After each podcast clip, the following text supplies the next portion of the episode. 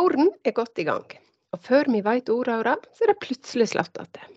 Det har de siste åra vært auka fokus på fôrkvalitet, og skilnaden på hva gode og dårlig fôrkvalitet utgjør. Det er kjempebra, og en kan få et inntrykk av at det har ført til en større forståing rundt dette her, med hva det er som påvirker fôrkvaliteten. For en melkeprodusent så er dagene om våren og fram mot første slått avgjørende hvor godt en lukkes med melkeproduksjonen totalt sett gjennom året. De avgjørelsene som er tatt i denne perioden, har stor innvirkning på hvor godt en lukkes i forhold til helsa på dyra, fruktbarheten deres, kvotefyllinga og totaløkonomien for bonden. I dag skal vi snakke om hva som påvirker kvaliteten på gresset vi dyrker. Hvilke verktøy melkeprodusenten har for å ta de rette avgjørelsene når de nærmer seg slått. Vi har fått med oss Petter Klette fra Tine og Håvard Steinshamn fra Nibio for å snakke litt om prosjektet Grofôr vekst, som er et samarbeid bl.a. med Nibio, Tine og NLR. Velkommen til Vestlandsbonden, en podkast fylt med faglige tema, gode råd, samtaler og reportasjer om aktuelle landbruksemner, produsert av NLR Vest. Jeg heter Lise Elvegjeng, og jeg er jordbruksrådgiver i NLR Vest. Vil du Håvard fortelle oss litt om hva det er som skjer i planter fram mot slått? Litt om hva det er som går an å påvirke for å produsere det fôret vi trenger, og hva vi bare lytter innse at det er Vår Herre som styrer? Ja, altså etter hvert som veksten går fram på gras og belgvekster som vi bruker i enga, da, så altså at plantene utvikler seg, så vil fôrkvaliteten av avlinga gå ned. Altså fôrkvaliteten, så tenker jeg her først og fremst på fordøyeligheten eh, av, av fôret hos strøtyngeren hos kua. Da. Og energiverdien blir mindre. Og det skyldes tre ting. Det blir mindre blad i forhold til stenger hos plantene. Altså stengerandelen øker. Videre så vil, altså, vil andelen av cellevegger i avlinga øke. Og Det henger sammen med det at stengelen vokser fram, og, det, og celleveggene er viktig for å kunne greie at planter skal greie å holde seg oppe. Og så en eh, tillegg det at eh, celleveggene blir mer lignifisert. Og ligning er tungt fordøyelig eller i praksis ufordøyelig. Og de beskytter da si, cellene mot og de andre fordøyelige deler mot nedbryting og fordøying i vomma til, til drøvtyggeren. Og de her endringene som skjer da med at det blir mer, mindre blad i forhold til stengel, og at det blir økt mengde cellevegger, det er sterkt knytta til det såkalte fenologiske utviklinga hos plantene. Altså det Veksten i starten er stort sett bare danning av nye blad, før det skjer en sånn faseskifting der stenglene strekker seg. Og etter hvert vokser aksa fram, og det blir etter hvert blomstring. Det er den såkalte fenologiske utviklinga. Det er da det som da forklarer de endringene med mindre blad, mer, eh, mer stengler og da mer eh, cellevegger. Og det er farten da, i denne utviklingen til plantene, altså framvekst av blad, vekst av stengler og skyting, er all hovedsak styrt av temperatur og av daglengde. Så de to viktigste ytre faktorene er temperatur og daglengde.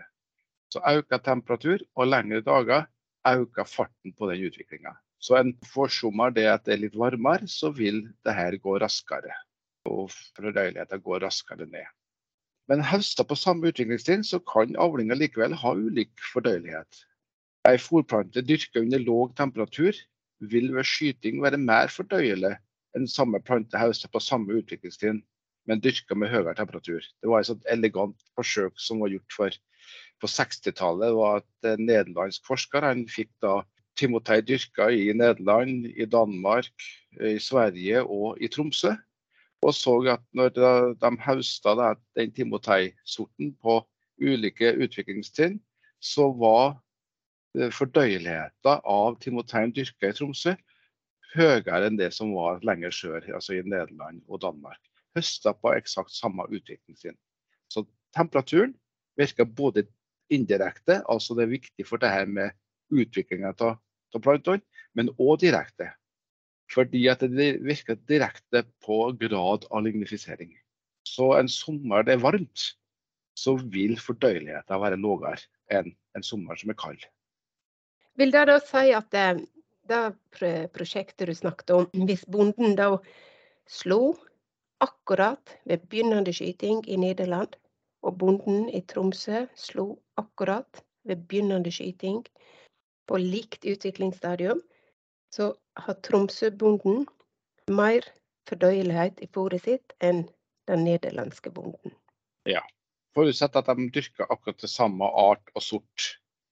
Og temperaturen påvirker graden av altså, eh, mengde fiber og grad av lignifisering.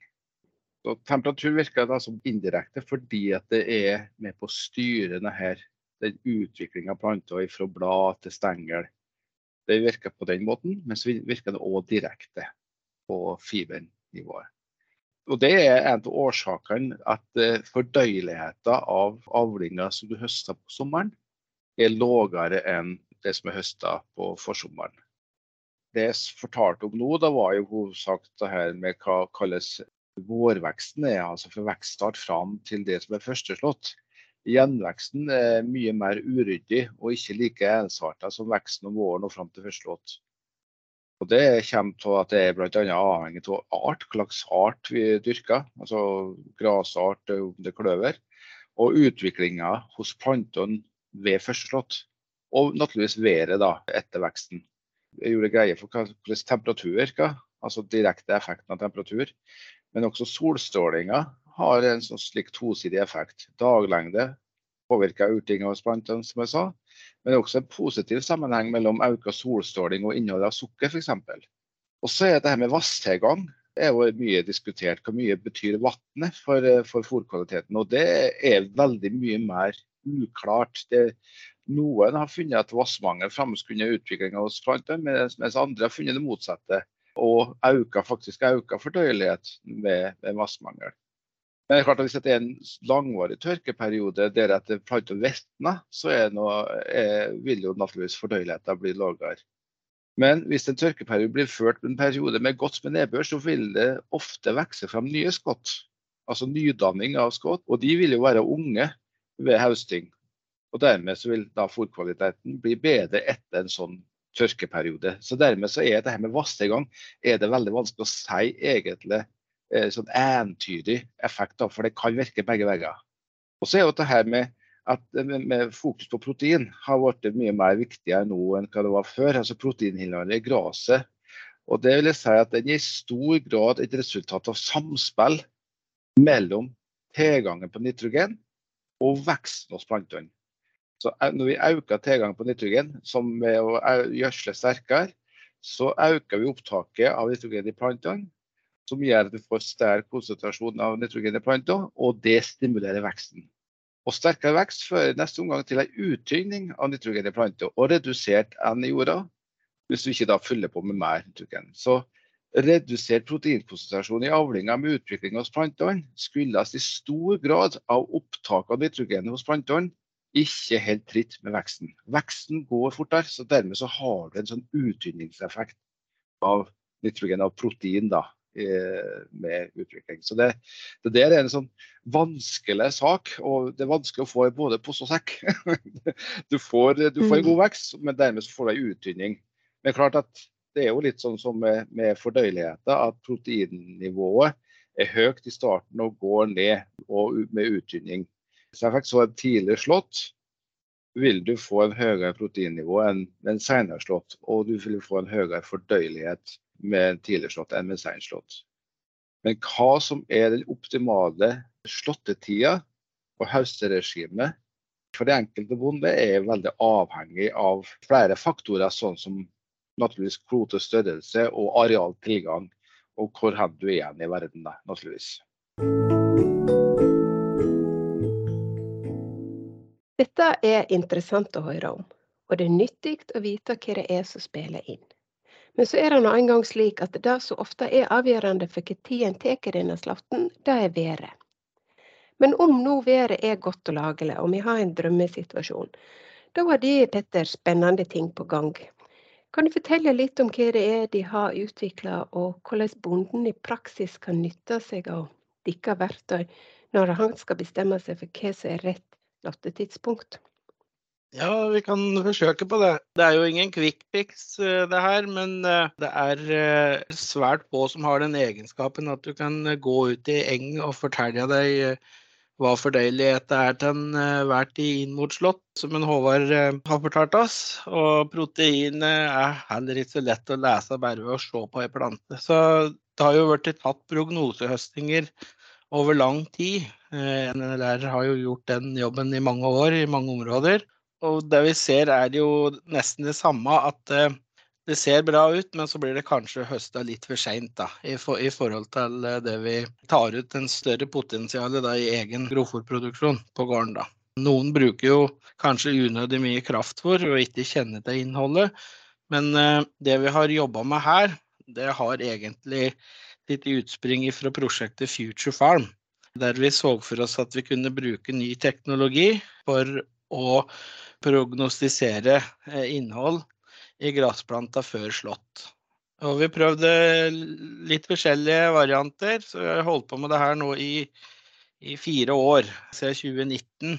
Og testa og testa og testa, og har jo nå da i løpet av en periode samarbeidet med en del uh, mjølkeprodusenter som har sendt inn grasprøver fra hele landet. For det vi oppdaga, var jo det at vi må bygge kalibrering for norske forhold. Og da har vi fått sendt inn grasprøver, og de har gått ut i enga og målt høyde. Så vi har uh, egentlig ganske mange registreringer da, på, gjort uh, rundt vekstforløpet fram mot høsting. Vi har hatt uh, særlig fokus på første slått, for det er stort sett den slåtten der kvalitetsforringelsen skjer raskest.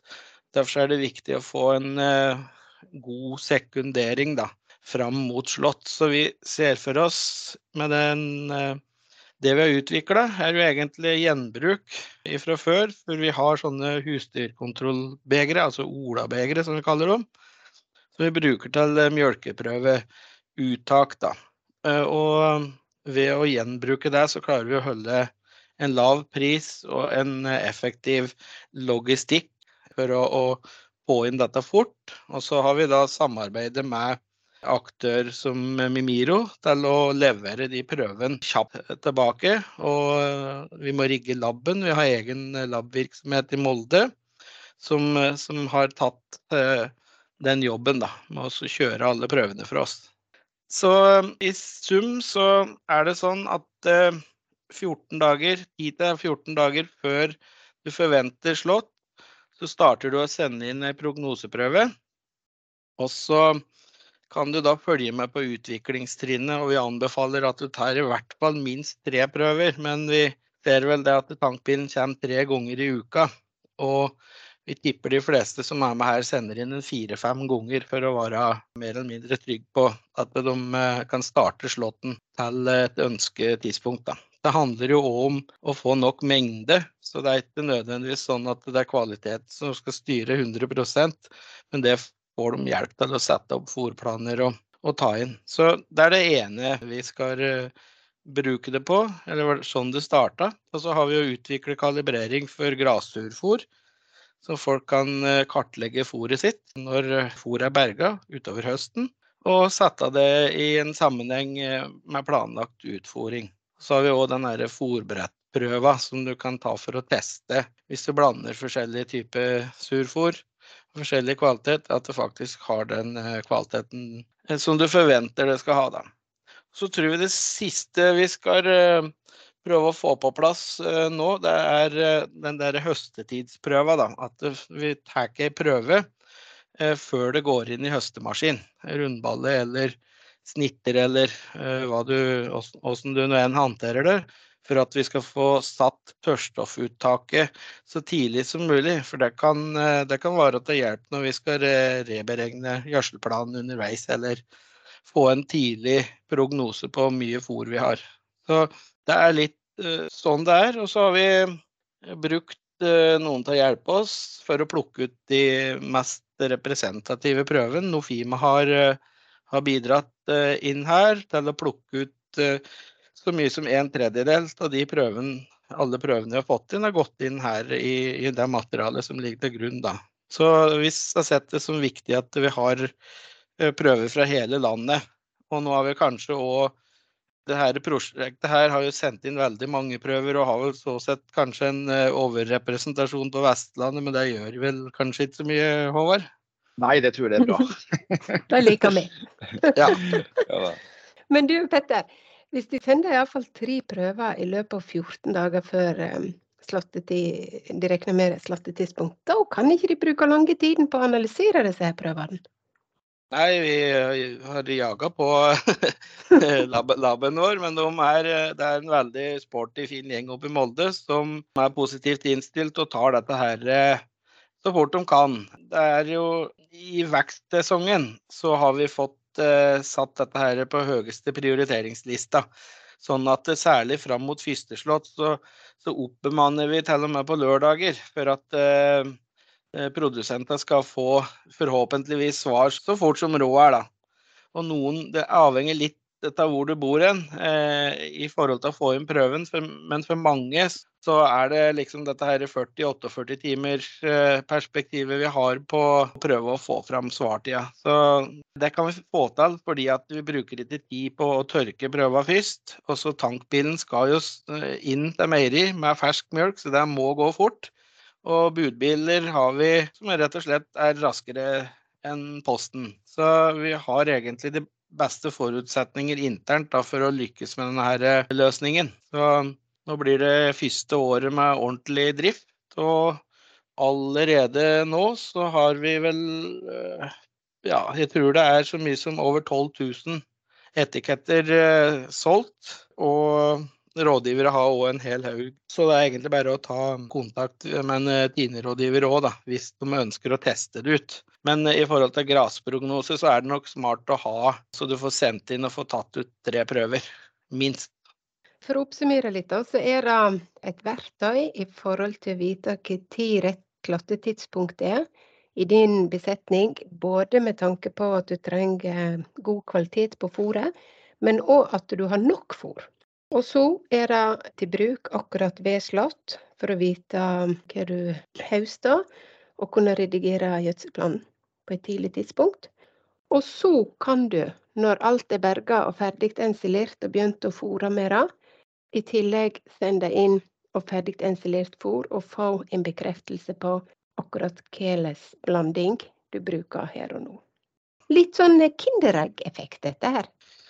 Ja, det er, jo egentlig, det er jo faktisk det. Og det å begynne å rangere fòrpartiene sine nå, eh, hvis du har tatt nok prøver, det vil jo være kanskje en eh, forbedring for ganske mange. Men det som vi kan legge til i tillegg da, rundt dette her, er jo at eh, det er ikke bare ett analyseopplegg. Vi har jo òg medvirke og i lag Vi har en utviklingspartner i Mimiro-selskapet som har beregna og fått på plass varmesumberegninger, sånn at du på skiftenivå da kan bruke den som et støtteverktøy på din gård.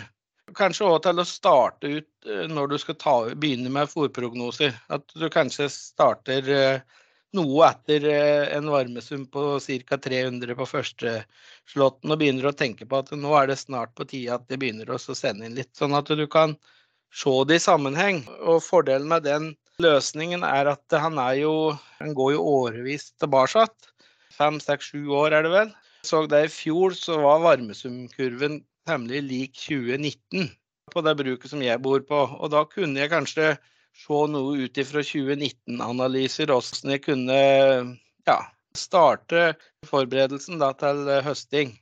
Så det er litt spennende når du får flere år. og og i det her uh, verktøyet der, så har du også, der kommer òg alle analysene inn. Så nå blir de analysene knyttet til både skiftet, og da har du det og varmesummen og et ganske godt uh, bilde da, på, på, det som har skjedd. Og forhåpentligvis så kan det komme til nytte for ganske mange framover, da. I dette her prosjektet Grovfòrvekst på Furneset så har de Håvard tatt ut mye prøver og graser på forsøksfeltene både dagene før slått og ved slått. Vil du si litt om eh, hvordan resultatet av disse prøvene ser ut? Altså, hovedspørsmålet i det forsøket var om det her med tidlig gjødsling om våren kunne påvirke avlingsnivå og avlingskvaliteten. I og med at vi har tidligere vårer, så tenker vi at du kommer tidligere utpå med gjødslinga, så vil du kunne få en avlingsgevinst. Og det får vi. Vi får betydelig økt avling med å gjødsle tidlig. Da har jeg kombinert husdyrgjødsel og kunstgjødsel. Og så gjorde vi forsøket der at vi kombinerte både altså tidlig og normal gjødslingstidspunkt med tidlig og normal førsteslått. Og det vi ser er at du, vi får en avlingsgevinst med å gjødsle tidligere, men så får vi samtidig da òg en uttynningseffekt på nitrogen på proteinet, som jeg sa tidligere. Altså Du får en økt produksjon, du får en større avling, men du får også en uttynning av proteinet. Slik at du får en lavere proteinnivå ved samme høstetidspunkt enn du har en såkalt normal gjødsling, som da i fjor, i 2022, var ca. en måned forskjell. Nå blir det ikke slik i år. I år så ble det jo mye senere vår, slik at vi gjødsla vel det såkalte tidligførstleddet uh, da her i, på denne veka her, omtrent tre uker senere enn det vi kunne gjøre i fjor. Det er litt tidlig å konkludere som bastant på det, men en tidlig gjødsling det gir større avling, men du får en uttynningseffekt på proteininnholdet. Og så er jo det her med, med, tidlig slått, det gir jo, det fant vi helt entydig at det ga høyere proteininnhold og høyere fordøyelighet og, og lavere fiber. Så, så det, det, er helt etter læreboka. Og de, effekten av slåttetidspunkt var uavhengig av gjødslingstidspunktet. Og likeens eh, effekten av gjødsling var uavhengig av slåttetidspunkt. slik at det var, det, De to tingene der er det ikke noe sånn avhengighet mellom. Det er jo greit å vite. Så gjødsla ut tidlig, så får du eh, en utvinningseffekt. Og du høster ut tidlig, så får du en, en høy, høyere fôrkvalitetseffekt. Men eh, jeg har ikke lyst til å si hva som er på bakgrunnen her, så kan jo ikke jeg nå si at ja, det lønnes å gjødsle tidlig fordi jeg får en større avling. Men da får en også et lavere fôrkvalitet totalt sett. Dermed så må vi, jeg har lyst til å ha et år til det vi får et uh, resultat fra året her. Og så setter vi det her inn i en litt mer helskapelig analyse. Det vi setter opp mot arealgrunnlag, kvotegrunnlag. Og så putter vi det her inn i et uh, fòroptimeringsprogram. Så ser vi hva er det som da vil være uh, det mest uh, lønnsomme. da. Og så skal det òg være feltforsøk sommeren 2024. Det skal det. Sånn at, og, eh, og, da får vi enda et år. Og det, mm. er klart at det er et felt ett år. Det er fryktelig skummelt å være ja. altfor bastant på bakgrunn av det. Men det blir spennende å følge prosjektet videre og utviklingen. Tusen takk eh, til dere to i dag. Prosjektet Grovfòrvekst, som står bak denne podkasten, er finansiert av Regionalt forskningsfond Vestland og Landbruksråd Vestland. Det er Nibio som er prosjekteier, og de samarbeider med Tine, Felleskjøpet Agri, NLR Vest og NLR Agder.